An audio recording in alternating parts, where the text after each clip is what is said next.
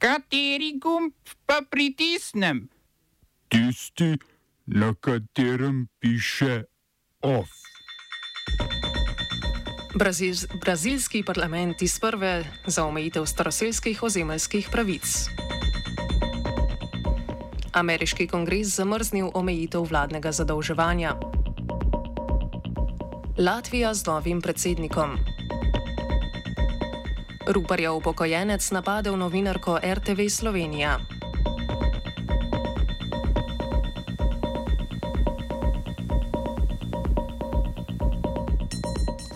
Ameriški kongres je z glasovi republikancev in demokratov potrdil zakon, ki bo do januarja 2025 zamrznil omejitev zadolževanja zvezdne vlade.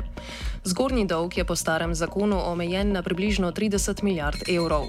Predsednik Joe Biden je pozval še senat naj čim prej sprejme zakon.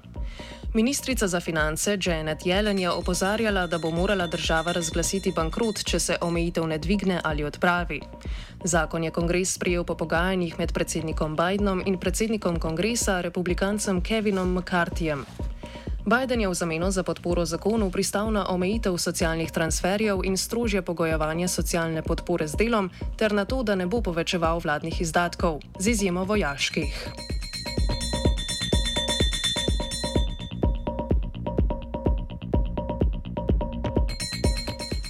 Spodnji dom brazilskega parlamenta, v katerem ima desnica večino, je potrdil predlog zakona, ki bi staroseljcem oduzel ozemeljske pravice. Zakon potrebuje še potrditev senata in predsednika Lule da Silve. Levi poslanci, predstavniki staroseljskih skupnosti in okoljevarstvenih organizacij zakonu ostro nasprotujejo.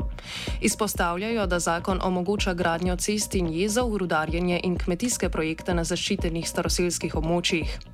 Vladi zakon omogoča, da staroselskim skupnostim oduzame zemljo, če presodi, da so se spremenile njihove kulturne značilnosti.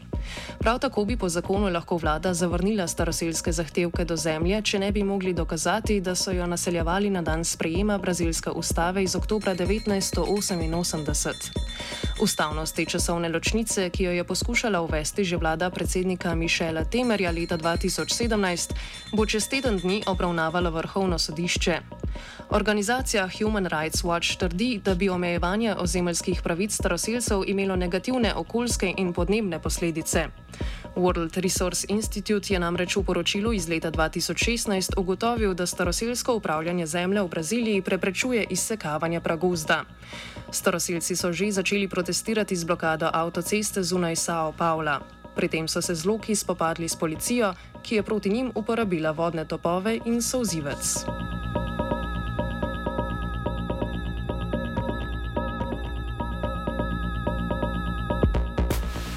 Ostajamo v Braziliji. Vrhovno sodišče je obsodilo nekdanjega predsednika Fernanda Kolorja Gimela na 8 let in 10 mesecev zapora zaradi korupcije in pranja denarja. Kolor je med letoma 2010 in 2014, ko je bil senator, prejel 5,5 milijona evrov podkupnine od državnega naftnega podjetja Petrobras. Kolor je bil prvi izvoljeni predsednik Brazilije po koncu vojaške diktature leta 1989. Kot predsednik je izvajal privatizacijo državnih podjetij in razrahljal protekcionistično gospodarsko politiko. Kolor je mandat končal z odstopom, ko je postalo jasno, da ga bo senat odstavil, prav tako zaradi obtožb o korupciji, vendar je bil dve leti pozneje takratnih obtožb oproščen.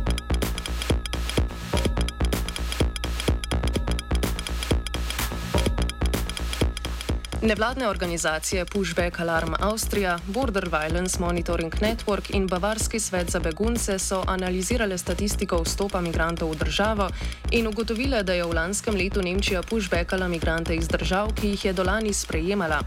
Uradna policijska statistika je lani dokumentirala okoli 15 tisoč primerov zavrnitev migrantov na nemško-avstrijski meji. Od tega jih je bilo približno 10 tisoč iz 15 najpogostejših držav izvora prosilcev za azil. Medtem je bilo lani na polsko-nemški meji zabeleženih manj nepooblaščenih vstopov, skupaj 15 tisoč in skupaj le 55 zavrnitev. Statistika po trditvah organizacij kaže, da na avstrijsko-nemški meji prihaja do ilegalnih pushbackov migrantov.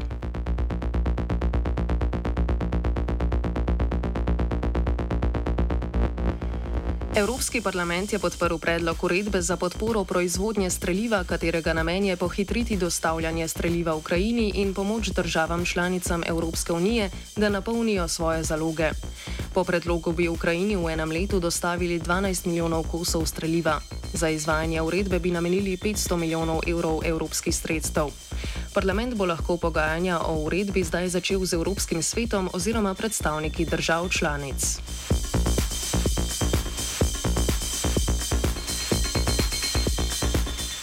Po trditvah ruskega obrambnega ministrstva je ruska vojska odbila tri poskuse vdora v rusko-belgorodsko oblast z ukrajinskega ozemlja. Predtem je z ukrajinske strani potekalo obstreljevanje ruskega mesta Šebekino, v katerem je bilo ranjenih 8 ljudi. Belgorodska oblast je že dlje časa tarča napadov z droni in saboterskih akcij, prejšnji teden pa je prišlo do vdora na rusko ozemlje. Rusko obrambno ministrstvo trdi, da napade izvaja ukrajinska vojska, v Kijevu pa zatrjujejo, da gre za ruske prostovoljne paravojaške enote, ki podpirajo Ukrajino. Medtem poteka delna evakuacija prebivalstva Šebekinskega in Grajveuronskega okrožja.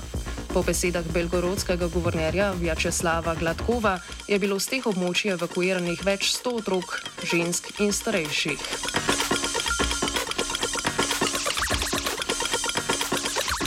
Latvijski parlament je za predsednika države izvolil dosedanjega zunanjega ministra Edgarsa Rinkeviča.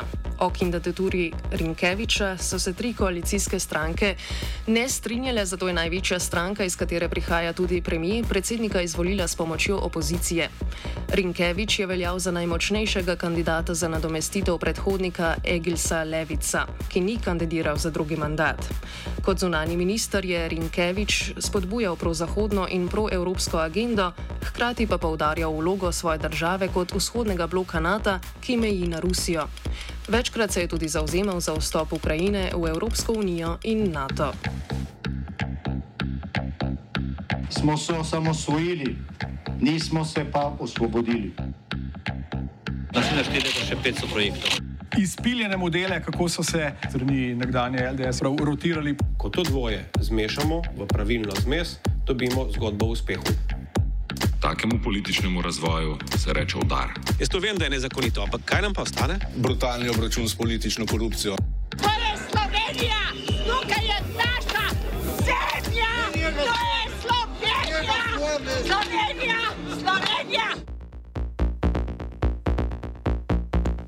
Veletrgovec z zdravili in medicinskimi pripomočki Salus, ki je med drugim dobavitelj Univerzitetnega kliničnega centra, je za več kot 7 milijonov evrov prevzel veletrgovca z medicinsko opremo Meditrade. Po pogodbi mora prodajalec po njenem zaključku kupiti do tisoč delnic podjetja Salus. Salus je prevzem napovedal v začetku leta, Agencija za varstvo konkurence pa je soglasje izdala v prvi polovici maja.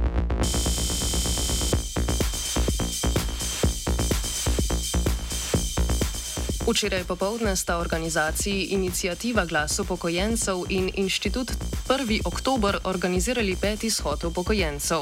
Protestniki so se najprej zbrali na Trgu republike, kjer jih je nagovoril predsednik obeh organizacij Pavel Rupar. V svojem nagovoru je najprej zatrdil, da vlada ne dela dobro in sporočil, da so v inicijativi zbrali 10 tisoč podpisov za predlog zakona o dvigu pokojnin. Rupar se je odzval tudi na nedavno odločitev ustavnega sodišča, da odpravi zadržanje novele zakona o radioteleviziji Slovenija, rekoč, da se na RTV že pripravlja lista za odstrel. Po zgledu botalcev Frana Milčinskega, ki so dobesedno vzeli frazo Pojdi se solit, so protestniki na shod prinesli sol, ki so jo natresli pred državni zbor za tiste, ki je v glavah nimajo. Protest se je na to premaknil pred stavbo RTV Slovenija. Več novinarjev se je pritožilo, da so jih protestniki ovirali pri vstopu ali izstopu iz stavbe in da so bili deležni željivk in grožen. Novinarki portala MMC Larisi Daugul, ki je spremljala dogajanje, je eden od protestnikov izpulil službeno kartico in jo pri tem zmerjal, da je gnoj in rdeče drhal. Ko ji je kartico vrnil, je hotel prepovedati snemanje dogajanja. Na pojasnilo, da je novinarka, je protestnik odgovoril z: Ampak vi niste naša, vi lažete. Novinarka je incident prijavila policiji. Napad na novinarko so obsodili v koordinaciji novinarskih sindikatov RTV Slovenija, novinarskih aktivih in svetu delavcev RTV Slovenija.